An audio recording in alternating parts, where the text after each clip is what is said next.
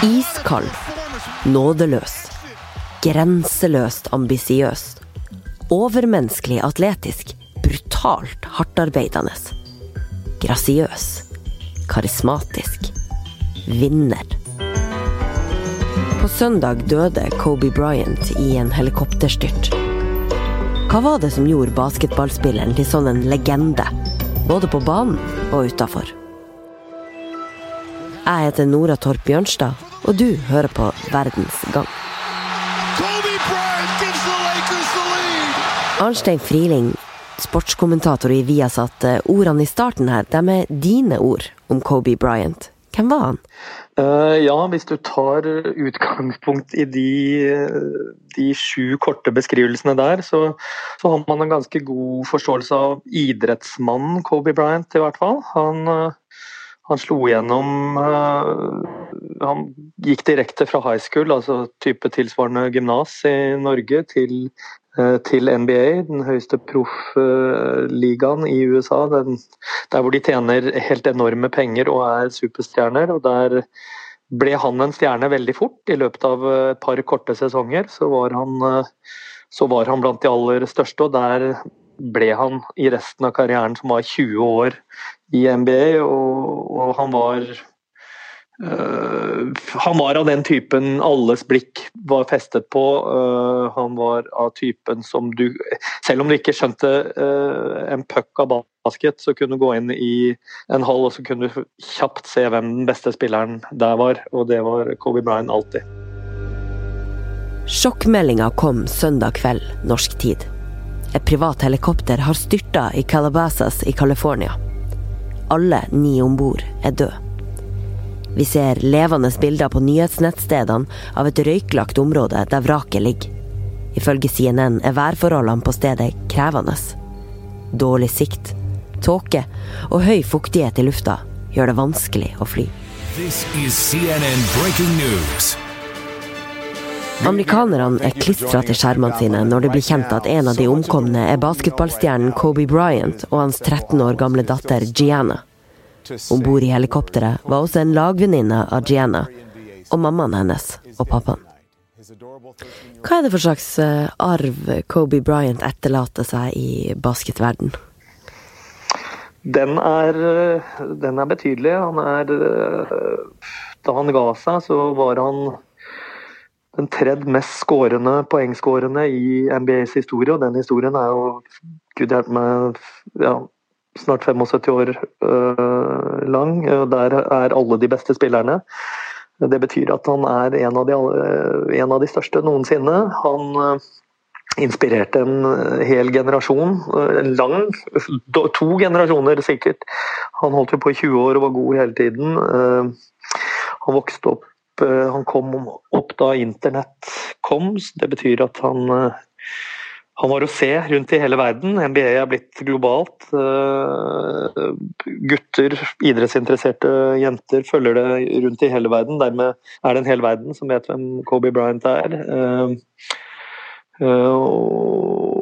Og han hadde den egne formen for type karisma som gjør at, at man tiltrekker seg ekstra mange world champion Kobe Bryant.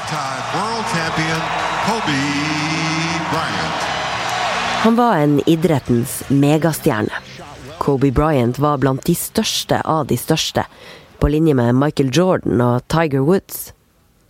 Det navnet Kobe unger verden rundt roper når de øver seg på å kaste mot kurv på en sliten basketbane i skolegården.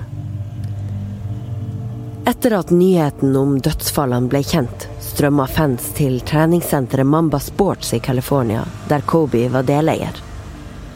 Der la fansen ned blomster og tente lys. På døra til senteret henger det nå et skilt med ordet 'stengt', håndskrevet.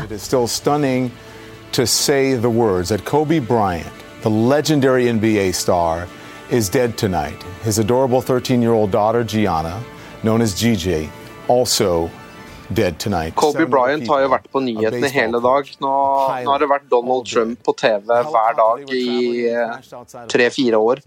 Og i dag så har det vært Kobe Bryant hele dagen. Så da, det sier jo bare litt hvor uh, omfanget og hvor mye han dekker, uh, med, med, tanke på at han endrer hele nyhetsbildet i løpet av en dag. Norske Patrick Strøm står bak en av de siste intervjuene som ble gjort med Kobe Bryant før det tragiske dødsfallet.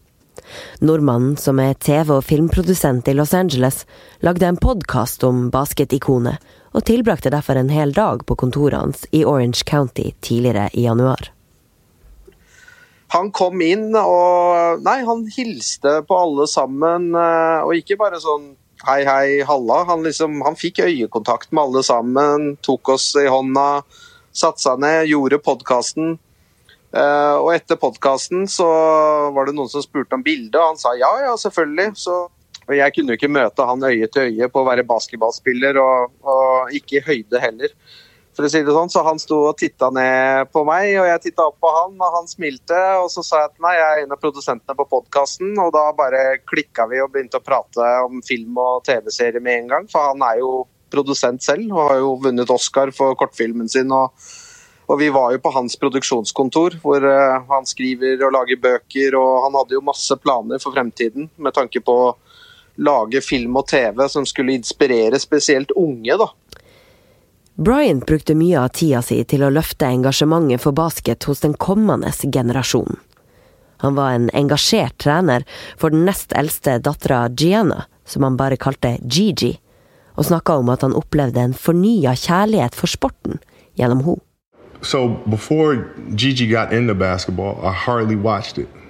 But now she's into basketball, we watch. It's, it's on. She every wants night. to watch it too. It's on every night. I love it. It's yeah. on every night, and, and, I mean every game. I mean, she she asked me to get the league pass on her phone and everything. Oh, she's oh yeah. She watches I love it. everything. So sitter jo på vår podkast uh, All the Smoke og prater spesifikt om henne. Uh, for han har jo fire døtre, og det her med at han liksom ikke har fått en sønn som skal bære hans legacy videre. Og da har han jo sagt at uh, da hadde hun sagt klart ifra at det trengte ikke noen å bekymre seg om, for det skulle hun gjøre. Dear basketball.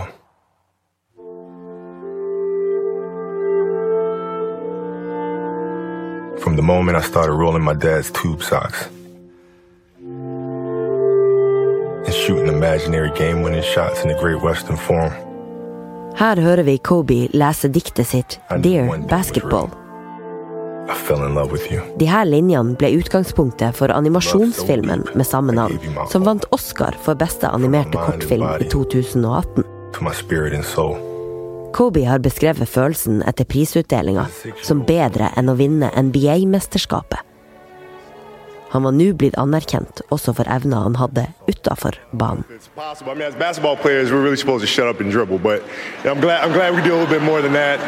Thank you, Molly Carter. Without you, we wouldn't be here. And to my wife, Vanessa, our daughters, Natalia, Gianna, and Bianca, ti amo con tutto il mio cuore. You are my inspiration. Thank you so much, guys. Thank you. Arnstein Friling, eh, hva kan en idrettsstørrelse som han bety for eh, de unge som driver med en idrett? For det første så kan han jo inspirere ved å på en måte vise hva et menneske er i stand til å gjøre. altså hva, hva, Hvor de ytterste grensene går.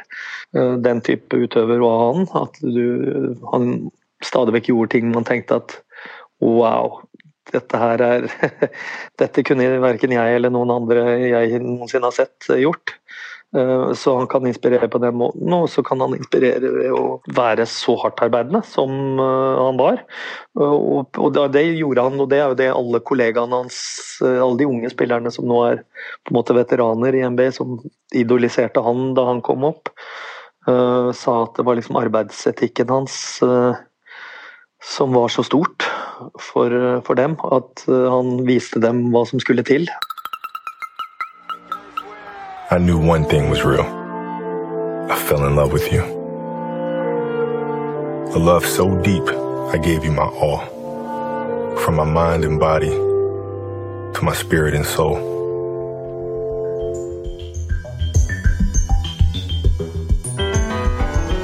Du har hørt en episode av podkasten Verdens gang. Vi som lager det, er Tor Erling Tømt Ruud, Emilie Hall Torp, Kristine Hellesland og meg, Nora Torp Bjørnstad. Teknisk produsent er Magne Antonsen. Hvis du likte det du hørte, fortell gjerne en venn om oss. Det kommer nye episoder grytidlig hver eneste morgen.